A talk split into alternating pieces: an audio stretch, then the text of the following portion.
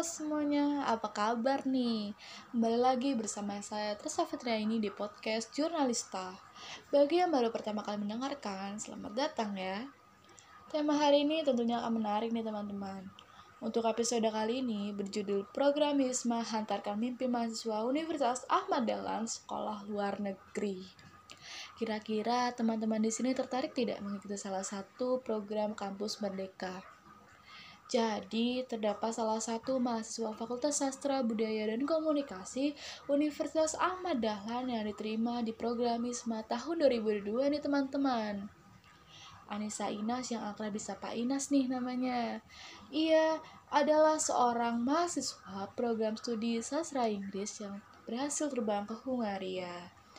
Program ISMA atau Indonesian International Student Mobility Awards bertujuan untuk memberikan hak dan kesempatan bagi mahasiswa dalam mengembangkan kompetensi dan pengetahuan serta memberikan pengalaman studi di luar negeri. Inas mengakui memiliki cita-cita dari kecil untuk menempuh pendidikan di luar negeri nih teman-teman. Jadi cita-cita kalian apa nih? Berbagai usahanya ia tempuh. Salah satunya meminta rekomendasi kepada dosennya sebagai Anissa Inas yang berhasil menerima program ISMA di tahun 2022 ini. Di Hungaria, Anissa Inas akan menempuh pendidikannya selama lima bulan atau setara dengan satu semester nih teman-teman.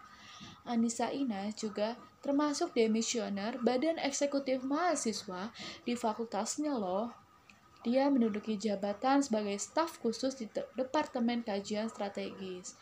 Kok bisa ya ambis keluar negeri padahal sibuk organisasi? Program ISMA ini sudah dua kali loh teman-teman, dan Anissa ini menjadi mahasiswa di program ISMA kedua.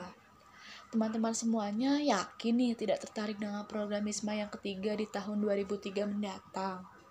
Kalau tertarik, pantau terus informasi di akun official Kampur Merdekanya ya. Saatnya saya Tersa Fitriani undur diri.